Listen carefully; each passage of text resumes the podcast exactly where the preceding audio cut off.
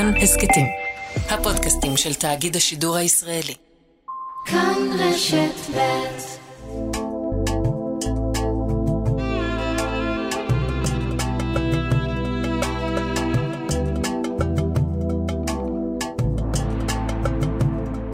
שלום, כאן ערן זינגר ואתם מאזינים להסכת מרחבת מבית כאן רשת ב'. בכל סוף שבוע אנו פותחים לכם צוהר לחברה הערבית בישראל, פוליטיקה, תרבות וחיי היום-יום. בפרק היום, הערבים והגל הרביעי של הקורונה, מדוע יש תחושה של שאננות יתר ברחוב הערבי בכל הקשור לחיסונים, ואיך אפשר לשכנע את הציבור הערבי לקבל את החיסון השלישי. ועוד בהמשך, מדוע עדיין לא רואים נהירה של ערבים וערביות למקצועות ההייטק, ומה צריכה לעשות המדינה כדי לשנות את המגמה. מרחבה את ההסכת. מתחילים. הממשלה אישרה להתחיל במבצע החיסונים השלישי, אבל בחברה הערבית, שבה שיעור המתחסנים נמוך יותר מאשר באוכלוסייה הכללית, המומחים מזהירים מפני שאננות יתר ועסקים כרגיל. שאלנו את המומחית לזיהומים של שירותי בריאות כללית במחוז הצפון, מה צריך לעשות. שלום אה, לדוקטור אה, חוזיימה חמייסי, מומחית לזיהומים בשירותי בריאות כללית במחוז הצפון וחברה בוועדה המייעצת למיגור הקורונה במשרד הבריאות. שלום לך. מרחבה, צהריים טובים. מרחב, תודה שאת איתנו. דוקטור חמייסי, קודם כל, אמ, מה את רואה, לפני שנדבר על הכובע שלך כחברה בוועדה המייעצת למיגור הקורונה, מה את רואה בסביבתך? בסביבה הערבית שאת חיה בה, בחברה הערבית שאת חלק מתוכה, מה את רואה כש... כשאת משווה את זה למה שקורה אצלנו היהודים, ומה שאני כבר רואה, ואני חושב שאפשר לומר זאת בצורה מאוד ברורה, יש היסטריה, ויש מי שיאמרו אפילו תבהלה בקרב החברה היהודית בכל מה שנוגע להתפשטות של הגל הזה. מה קורה אצל הערבים? למה, יש, למה נדמה שאצל הערבים העניינים רגועים יותר? אז אני אדבר בכמה כובעים פה, בזה שאני חלק מהחברה הערבית, בזה שאני אה, רופאה במחוז שמכיל המון אה, מהמגזר הערבי, ובזה שאני חברה גם בוועדה. אז אה, מה שאני רואה בעצם זה שידוע לנו שקצב התפשטות של המחלה בחברה הערבית תמיד מאחר לפחות בשבועיים מהחברה הכללית. אה, וכך שאנחנו התחלנו את, ה, את ההתפשטות של הזן דלתא בארץ לפחות שבועיים שלושה לפני, mm-hmm. וזה לא הגיע לחברה הערבית. זה קצת מביא למין אה, תחושה של ביטחון, של אה, חוסר מקרה חירום בחברה הערבית. אבל אם נשים את זה, אם נציב את זה על מאזניים, אז יש לנו צד אחד שהוא גבוה וצד אחד שני, ואני אסביר מה, מה הכוונה שלי. בבקשה. אז אה, בצד הגבוה שלנו, אז אה, חוץ מזה שזן דלתא אה, הוא זן שמתפשט המון בקצב ממש מוגבר לעומת הזנים האחרים, זה אחד. שתיים, בחברה הערבית אנחנו אחרי תקופה של החג וכל מיני התקהלויות המוניות. שלוש, נוסיף לזה גם שאנחנו בעיצומה של עונת החתונות בחברה. והדבר הכי משמעותי מבחינתי, שמאוד מגביר את קצב ההתפשטות, זה טיסות לחו"ל, בעיקר לטורקיה, שהיא כרגע אדומה, ולהזכיר ש-70 אלף אנשים מהחברה הערבית טסו לטורקיה בתקופה האחרונה. אז כל זה מביא לצד הגבוה של המאזניים שלנו. מצד השני, שזה הנמוך, ואנחנו פה כאילו שמים את הדגש שלנו להעלות את כל ה... אה, אה, להעלות את הכאפה הזאתי. זה מכיל את אה, מספר הבדיקות, שזה מספר מאוד נמוך לעומת החברה הכללית, ומצד שני זה החיסונים. שבחברה הערבית ידוע שאחוז המתחסנים בכלל הגילאים, במיוחד בגילאי 12 15, מאוד נמוך לעומת החברה הכללית. כן. אז אה, פה, כאילו, מבחינת המאזניים אנחנו צריכים כמה שפחות, אה, אה, כמה שיותר בעצם, אה, לעבוד על שתי ה, אה, שני הדברים האלו במקביל, מצד אחד להנמיך ומצד אחד להגביר, וכך אה, אה, נגיע למצב של אה, אולי שליטה. אבל, אבל למה... אני, אני רוצה לשאול אותך, כאזרחית ערבייה ב- בישראל, כן. מעבר, ל, מעבר ל, לכל התארים החשובים האחרים, אין זיכרון חברתי של מה שהיה פה לפני שנה ויותר? כלומר, אנשים, את אומרת, אה, אני גם רואה ש... ואנחנו נקווה שזה יישאר כך, מספר הפטירות mm-hmm. בגל הנוכחי הוא נמוך מאוד, בכלל בחברה הכללית ועל אחת כמה וכמה אנחנו, כמו שאת אומרת עכשיו, אנחנו רואים שאין, אין, ואנחנו מקווים שיישאר ככה, נכון. שגם בחברה היהודית וגם בחברה הערבית המספר הפטירות יהיה נמוך ויהיה אפס, כן? אבל, אבל אין זיכרון למה שהיה פה לפני שנה ויותר, כלומר, אנשים לא נזכרים ואומרים, טוב, אי אפשר להמשיך להתנהג ככה. מה הסיבה שאת רואה שאנשים מתעלמים מכל מה שהיה פה עד לפני כמה חודשים. אז אני אגיד לך שבחברה הערבית זה לא הרבה בשונה מהחברה הכללית. החברה כבר, האוכלוסייה בכללי היא מותשת. אנחנו כבר כמעט שנתיים עם אותן עליות וירידות, והחברה והאנשים בטבעם קשה להם לעבוד בעניין של גלים. בעיניי זה אחד הדברים שמאוד אה, חשובים בקטע של הסברה, שאנחנו צריכים להנגיש את המידע לכלל האוכלוסייה ולאו דווקא רק לחברה הערבית, שאנחנו חיים לצד הקורונה, ולא רק לעבוד בעצם רק כשהקורונה מתעצמת, ולנסות להחיות אותה מחדש ולהחיות את כל הכללים ואת כל ה... ההנחיות. כך שהחברה הערבית היא ממש מותשת, היא חסרת אמון בהנחיות, בחיסון אה, עוד כמה וכמה, ואולי מה שיותר אה, אה, מאפיין את החברה הערבית משאר החברות זה אדישות. Mm. כך שהרבה מהאנשים סביבי שבעצם מלכתחילה הם לא מאמינים בקורונה ו... עכשיו, אחרי כל הרגיעה שהייתה לנו וחזרנו אה, לחיים האמיתיים שלנו, אז עוד יותר זה ירד, ואנשים אומרים לי, אה, תעזבי אותנו, אין לנו איך? קורונה. יש לנו אולי כן. קצת אה, נזלת, וזה מה שיש לנו. נשמע מוכר, מעט, כן, קצת שונה, אבל נשמע מוכר ממה שקורה אצל היהודים. מה לגבי החיסון השלישי? עד כמה הרעיון של חיסון שלישי מתקבל עכשיו בתוך החברה הערבית? נתחיל מזה שהחיסונים בכלל בחברה הערבית, בכל הגילאים, הם אה, ממש עם היענות לא, לא כל כך את אומרת, את אומרת, עזוב אותי, עזוב אותי מחיסון שלישי, בוא נתחיל לדבר על חיסון ראשון, את אומרת. בדיוק, אז אני רוצה להעלות את הרמה של החסינות של האנשים שעדיין בכלל לא התחסנו, זה מאוד חשוב לנו, וכמובן, אנחנו עובדים במקביל על אה, האוכלוסייה שכבר התחסנה, אז אני מניחה שההתנגדות לחיסון השלישי תהיה פחות באוכלוסייה הזו. אוקיי, אה, ברשותך, לקראת סוף השיחה, אה, אני פותח לך את המיקרופון. את מוזמנת אה, לשלוח את הריסאלה שלך בערבי ללג'מהור العربي فيما يتعلق بالتطعيمات وبالتدعم. معناها أنا أتوجه لكل الجمهور العربي بخزيمة خمايسي مش بس بدكتورة خزيمة خمايسي الرجاء الحفاظ على جميع تعليمات وزارة الصحة خصوصا لبس الكمامة في المحلات المغلقة. اثنين التطعيمات لكل الأجيال. كل شخص لم يتطعم لحد الآن يتوجه لأخذ التطعيم.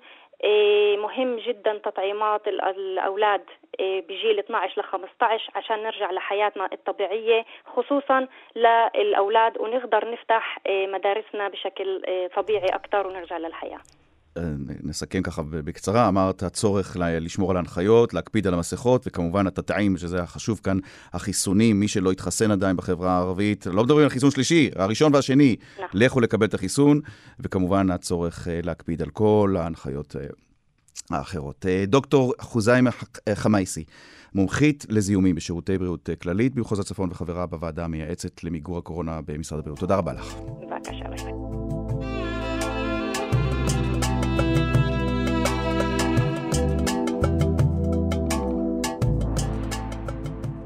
שיעורם של הערבים והערביות במקצועות ההייטק בישראל נמוך, אפילו נמוך מאוד, רק כ-2%. זו בעוד ששיעור הסטודנטים הערבים שלומדים את המקצועות הרלוונטיים במוסדות להשכלה גבוהה גבוה יותר משיעור הערבים באוכלוסייה הכללית. מה ההסבר לכך? והאם תוכל המדינה לשנות את המגמה? איהאב ג'בארין, שלום. שלום, שלום. ומחמוד קייל, שלום גם לך. שלום, שלום. איהאב ג'בארין, אתה אקטיביסט וחבר דירקטוריון של Tech to Peace. אם היית צריך במילה אחת לענות על השאלה איך זה יכול להיות שרואים כל כך הרבה רופאים ורופאות, אחים ואחיות, משפטנים ומשפטניות בתחום, המובילים בתחום שלהם כאן בארץ מהחברה הערבית, אבל עדיין בכל מה שנוגע להייטק עוד לא רואים את זה. מה הייתה התשובה שלך? כי עד לפני 20 שנה היה כוכבית במודעות דרושים לחברות הייטק רק אחרי צבא. Mm-hmm. זה בקצרה. אז אנחנו הצטרפנו לרכבת הזאת ממש באיחור, בוא נגיד ככה, ובעיניי אה, זה מה שגורם לנו, שאנחנו עדיין על משהו כמו קרוב ל-9.2 אחוז, רק מכלל עובדי הייטק בתחום, ולעומת אה, ענפים אחרים שאנחנו קרוב ל-50 אחוז זה כמו הרוקחות, או 20 אחוז כמו הרופאה, הרפאות, סליחה. מחמוד קייל, אתה מסכים עם ההסבר שנותן איהאב? כן, זה קצת מורכב, זה, כלומר, זה לא רק, זה, זה גם בהחלט כל העניין של של שהתעשייה הזו עד לפני הרבה מאוד שנים הייתה בעיקרה תעשייה שקשורה לתעשייה ביטחונית, אבל החלק העיקרי גם כל הנושא של, של החינוך שהשתפר אה, רק לאחרונה. חברות בינלאומיות נכנסו לארץ לאחרונה. אני חושב גם כל המשאבים, כל התרבות הזו, נגיד, נקודת ההתחלה של החברה הערבית בנושא הזה הייתה הרבה הרבה יותר מאחור.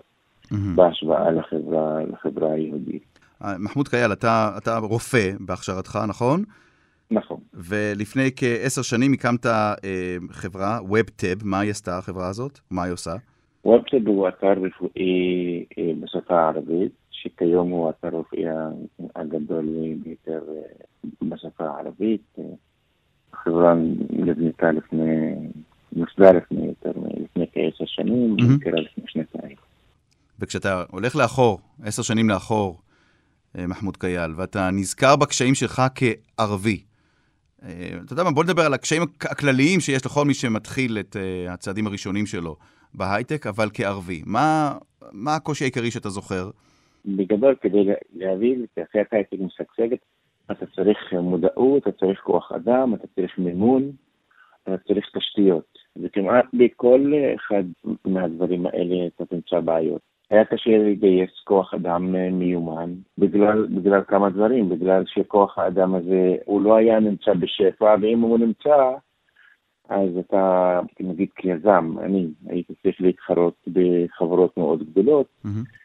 שבגלל שהמוניטין של סטארט-אפים בחברה הערבית הוא עדיין לא כמו מוניטין אה, של סטארט-אפים בחברה היהודית, אז קשה מאוד היה לשכנע אנשים להצטרף לחברה, קשה מאוד היה לגייס כסף, כי יזמים הם לא רגילים להשקיע ביזמים ערבים. Mm. היום זה טיפ-טיפה שונה, אבל לא הרבה. עדיין, אם תראה, נגיד, מתוך איזה חמישה מיליארד דולר שגויסו סטארט-אפים אה, בארץ ברבעון הקודם, אתה לא תמצא מזה קרומיל, אולי, אולי עשרה מיליון שקל הלכו לסטארט-אפים. איהאב ג'בארין, כשרק אה, פרצו, במרכאות, אה, הסכמי השלום בין ישראל למדינות המפרץ, אני זוכר שראיינתי אותך, ואמרת, נכון. הפעם הערבים חייבים להכות בברזל בעודו חם.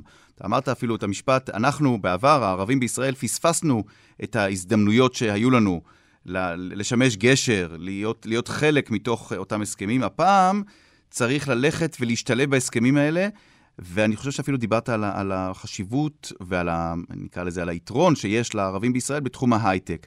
עד כמה אתה סבור שעכשיו השתנו התנאים, וגם אם אנחנו לא רואים ערבים יוצאי 8200, עדיין לערבים מישראל יש מה להציע, או אני שואל אותך, האם לערבים מישראל היום יש מה להציע כשמדובר בהייטק, בהשוואה לעבר?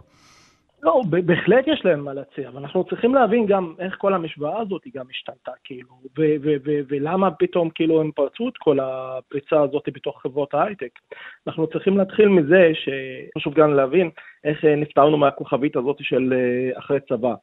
אה, אז הייתה איזו עמותה שהתערבה, אם אני לא, אם אני לא טועה זה היה דרך קרן אברהם, וניסו להחדיר כמה עובדי הייטק מחברה ערבית לתוך uh, כמה חברות הייטק בלי התנאי הזה של צבא. ואז זה נתון מאוד מאוד חשוב וקריטי, ואנחנו צריכים גם uh, קצת uh, לעמוד עליו בעיניי. חברות הייטק גילו מכרה זהב. עובד ערבי לעומת עובד יהודי. עובד יהודי נכנס לחברת ההייטק, תוך עשר, גג עשר שנים הוא רוצה להתקדם, הוא רוצה לפתוח את הסטארט-אפ שלו, יותר קל לו להתקדם ולהקים את הסטארט-אפ שלו, יותר קל לו אפילו אה, להתקדם ולעשות רילוקיישן וכל המשמעויות הללו.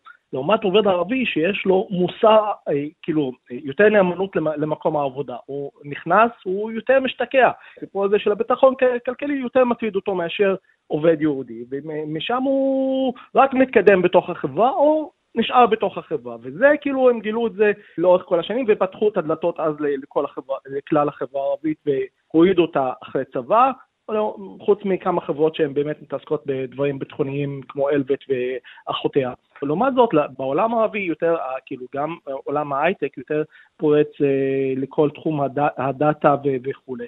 בעולם הערבי, בצד הפיתוח הביטחוני, ההייטקיסטי הביטחוני, יש גם אה, צמאון בעיניי לכל מה שקשור לעולם הדאטה, פיתוח התוכנה, החומה וכולי. ויש מקום, יש מקום, ואני רואה את זה כאילו מתוך הקשרים שיש לי. כן, אתה, אתה, כן. האם אתה מבחין בכך שהיום יש, יש כבר ערבים מישראל שאו טסים לדובאי או למקומות אחרים? זה עדיין לא קורה במגמה רצינית. ושוב, אם אתה זוכר, אז באותו רעיון אמרתי לך, יש לנו תחרות עם ההודים. כאילו, אנחנו כן. לא צריכים לזלזל בתחרות שנמצאת שם, ויש תחרות רצינית עם ההודים, אבל אנחנו יכולים כאילו להתאפס על המוניטין הישראלי, יש לך את החברות הישראליות עם המוניטין הישראלי שבתחום ההייטק, כאילו הערבים מתוך החברה הערבית בתוך ישראל יכולים גם קל, יותר קל להתאפס על השם הזה, על המוניטין הזה, ולבטח את הדברים שלהם ולהציע את הדברים שלהם בתוך העולם ההייטק בדובאי או בערב הסעודית, גם לא צריך לזלזל בכל מה שקורה שם mm-hmm. מבחינת המהפכה הזאת. אוקיי. עכשיו, העניין הוא בעיניי, האם להציע את השירותים בתור עובדים או יזמים, זאת השאלה היותר מהותית.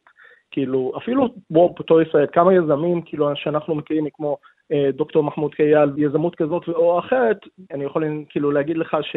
וגם דוקטור מחמוד יסכים איתי, שסופרים אותם על האצבעות, כמה יזמים בתוך החברה הערבית אה, יש בתחום ההייטק. אז אה, העניין הוא איך אנחנו מפתחים את ענף היזמות ולא רק עוזרים לאותם עובדים להשתלב בתוך התעשייה, כי הם משתלבים די טוב. אוקיי. זה, זה כבר לא אישו ולא הבעיה. טוב, העניין עכשיו... הוא איך אנחנו מפתחים את זה. אז איך מפתחים את זה, את עניין היזמות, ובכלל איך מקדמים יותר? הזכרת את העובדה שמחמוד קייל הוא דוקטור מחמוד קייל, הוא כל כך צנוע שהוא שכח להזכיר לנו את זה תוך כדי שיחה, או אנחנו שכחנו להזכיר את זה, ולא סתם דוקטור מחמוד קייל. דוקטור קייל... אה, למד רפואה כשאיתו בחדר היה אלמוני בשם מנסור עבאס, גם הוא דוקטור מנסור עבאס, אז, הוא עדיין דוקטור, אבל היום הוא במקום אחר, אה, רחוק מאוד מהרפואה, היום הוא בפוליטיקה. אה, נכון? אתה למדת עם מנסור עבאס, דוקטור קייל. כן, כן, אני ודוקטור מנסור עבאס למדנו ביחד, היינו שותפים לחדר המערכת כמה שנים טובות בתקופת הלימודים. ואני מזכיר את זה כי עכשיו שוב הדרכים שלכם נפגשות. אה, מנסור עבאס, אה, יושב ראש רע"מ, אה, מקדם תוכנית בין רע"מ לבין משרד המדע והטכנולוגיה, שתפקידה לקדם את ההשתתפות של ערבים, של אזרחים ערבים בישראל בחברות ההייטק או בתעשיית ההייטק. בוא תספר קצת על התוכנית הזאת, כי אני מבין שהוא בחר בך, דוקטור קייל, מנסור עבאס בחר בך להוביל את התוכנית הזאת. כן, דוקטור עבאס ביקש ממני לטפל בכל הנושא של המשא ומתן אה, או הדיונים מול משרד החדשנות, המדע והטכנולוגיה, רשות החדשנות והגורם שמטפלים בנושא הזה לגבי תוכנית החום של כל מה שקשור לחדשנות. וכאשר אה, המטרה הייתה באמת אה, להביא כמה שיותר למעורבות יותר גדולה של אזרחים ערבים בארץ בכל הנושא של חדשנות, טכנולוגיה, יזמות טכנולוגית, לעזור במאמץ הכולל שקיים בתחום הזה, וזה להביא ש-10 עד 15 אחוז מהמועסקים במשק תוך חמש שנים יהיו, אה, יהיו בתחום ההייטק. איך עושים את זה? איך, איך אתה מקדם את זה ברחוב הערבי כשאתה, כשאנחנו מדברים על, על כל הקשיים שיש והפערים? אז אחד, אה, הסטטיסטיקה מראה שיש באמת שיפורים אה, גדולים, אנחנו עדיין מאוד רחוקים מהמספר הזה. יש כמה נתונים מאוד מעודדים, זה למשל כל הנתונים של אחוז uh, הלומדים. היום אם אתה הולך לטכניון או uh, לאוניברסיטת תל אביב, אתה מסתכל על מקצועות טכנולוגיים, אתה רואה שאחוז הערבים שם הוא מתקרב, אם לא יותר, מהאחוז שלהם באוכלוסייה. ואז אתה רואה שהדבר הזה יכול להיות, או לפחות uh, אמור להיות מתורגם לאחוז דומה שבאים uh, לתחום של התעסוקה. יש, יש כשל שוק ב, ב, ב, ברמה מסוימת, והיום קשר השוק הזה מצטמצם רק לשלבים האחרונים, וזה של אה, תעסוקה ו... ויזמות. אה, ואפילו נשאר יותר בתחום היזמות מאשר התעסוקה, כלומר, אנחנו רואים שהאוכלוסייה הערבית הולכת ללמוד באחוזים גבוהים בתחומים האלה. אנחנו מתחילים לראות שהיא מדביקה את הפערים בתחום של התעסוקה, אנחנו שוב עדיין מאוד מאוד רחוקים, אבל המגמה היא בהחלט אה, טובה. נכון. זה חשוב גם אה, לעודד כל הנושא של היזמות בתחום, ה, בתחום הטכנולוגיה, כלומר עדיין סטארט-אפים ערבים אה, יש הרבה פחות, הרבה הרבה פחות מבחברה היהודית, למרות שתעסוקה היא משתפרת, סטארט-אפים עדיין לא, לא משתפר באותו מחיר, כי שם באמת צריך יותר, צריך גם חינוך, גם נטוורקינג טוב, גם מימון זמין כאשר הסטארט-אפיסטים הערבים פה מתמודדים עם הסטארט-אפיסטים הכי טובים בעולם, אז זה קצת פערים יותר ויותר mm-hmm. קשרים, ובזה גם ניסינו לטפל על ידי הקצאה של משאבים ספציפיים ליזמים ערבים, שהמדינה כבר התחילה לעשות לפני כמה שנים. לדעתי לא מספיק, אבל בהחלט הולכת בכיוון הנכון. אז כאן אני רוצה לשאול את איהאב ג'בארין, האם העובדה שה... אזרחים ערבים בישראל, או בעיקר צעירים שרוצים להיכנס לתוך עולם ההייטק בישראל, חיים בחברתם, או הם שכנים קרובים, קרובים מאוד, להייטקיסטים המתקדמים בעולם, מהחברה היהודית. האם המפגש הזה, או הקרבה הזאת בין הערבים ליהודים, תורמת, היא מקור השראה, אה, היא, היא גורמת, אה, היא מגבירה את התחרות לטובה, או שזה רק מרתיע אותם? זה, זה מעניין, נכון? כי זה, כי איך אמר אה, דוקטור קייל, מצד אחד אזרחים בישראל, ובישראל יש את חברות ההייטק מהטובות בעולם והמתקדמות בעולם, מצד שני יש הרבה מאוד בעיות, יש הרבה פערים, יש תשתיות לקויות.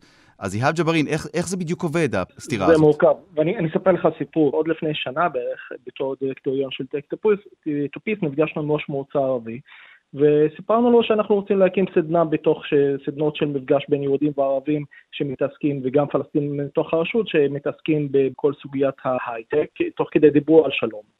וסיפרנו שאנחנו יכולים להביא לו מרצים מגוגל, ממיקרוסופט, מפייסבוק, ממיטב הגרעינים של תעשיית ההייטק הישראלית, ואנחנו יכולים להפגיש אותו ביניהם, והבכירים כאילו בחברות הללו, ואולי יכולים לפתח איזה מקום, שיהיה לו סניף בתוך הכפר שלו. ואז הוא אומר שוואלה, אין לי מקום. אבל מה קם המנכ"ל ואומר לו? שהוא צריך לציין שהוא יהודי, אבל הוא אומר לו, יש לנו את הבניין הזה, בניין X. ראש המוצר אומר לו, אבל הבטחנו את זה למשטרה, שאנחנו מקימים שם תחנת משטרה.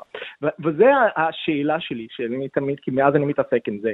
מה יותר טוב ומניב עם החברה הערבית, הוא מאותו צעיר ערבי, הוא תלמיד ערבי שהוא הולך לבית ספר, ובדרך הוא נפגש עם תחנת משטרה, או שבדרך הוא נפגש עם איזה חברת הייטק בדרך לבית ספר. מה יותר השראתי בשבילו ומה יותר ייתן לו לחשוב על העתיד יותר מתקדם, יותר בטוח, האם תחנת המשטרה תפתור לו את הבעיה, או חברת הייטק בדרך לבית ספר? התשובה היא די ברורה.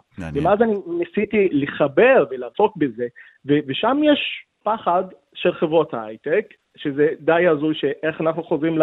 כאילו, בגלל זה אמרתי שזה מורכב, יש להם פחד. הפתרון הוא שתביא יזמים בתוך החברה הערבית, שתביא אותם צעירים שחושבים, שיש, שחיים את ההייטק כבר 20 שנה, בתוך אה, תל אביב או חיפה או אינטל או לא יודע מה, אותם ערבים מתוך הכפר, להחזיר אותם לכפר, להתחיל לפתח את הדברים מתוך הכפר, אותם צעירים שיתרמו מתוך הכפר, ואתה צריך להבין, לא שהם לא משקיעים, הם משקיעים, אבל בדרך כלל יש להם פחד, הם משקיעים בדברים שהם יותר טריוויאליים לאווירה של הכפר.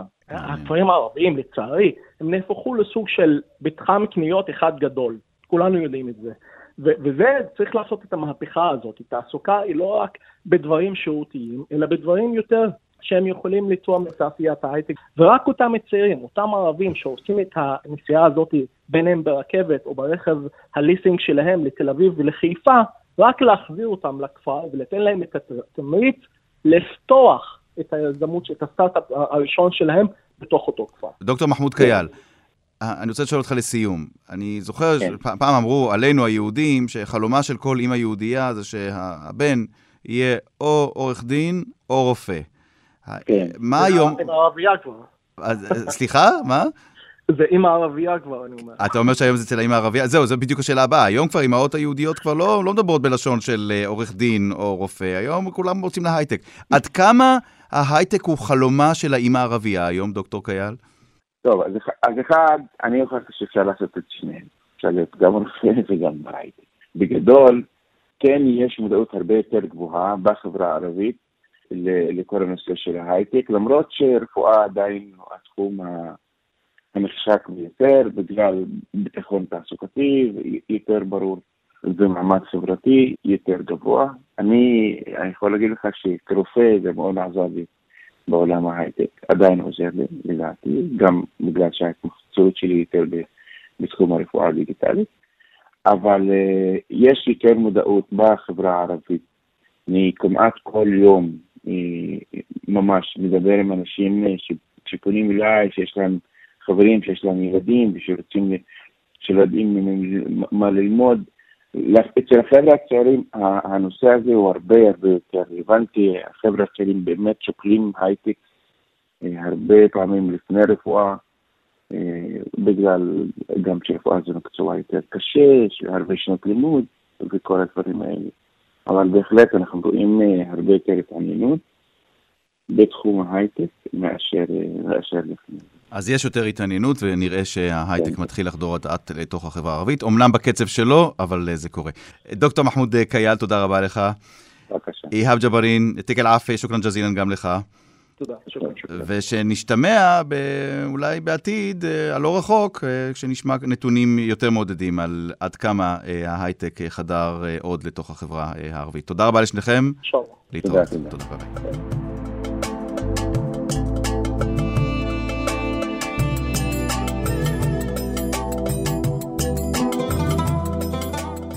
האזנתם להסכת מרחבת. עורכת התוכנית היא שושנה פורמן. עורכת ההסכת היא איילת דוידי. אם אהבתם או שאתם רוצים להגיב על מה ששמעתם כאן, אתם מוזמנים לכתוב לנו בקבוצת הפייסבוק כאן הסכתים. אתם יכולים לכתוב לנו גם בדף הפייסבוק של כאן ב'. אותי תוכלו למצוא גם בטוויטר ובפייסבוק. עוד הסכתים תוכלו למצוא באפליקציית ההסכתים האהובה עליכם באתר שלנו וגם בספוטיפיי. התוכנית מרחבת משודרת בימי חמישי בשעה שתיים, מיד אחרי החדשות. אני ערן זינגר. להתראות. thank you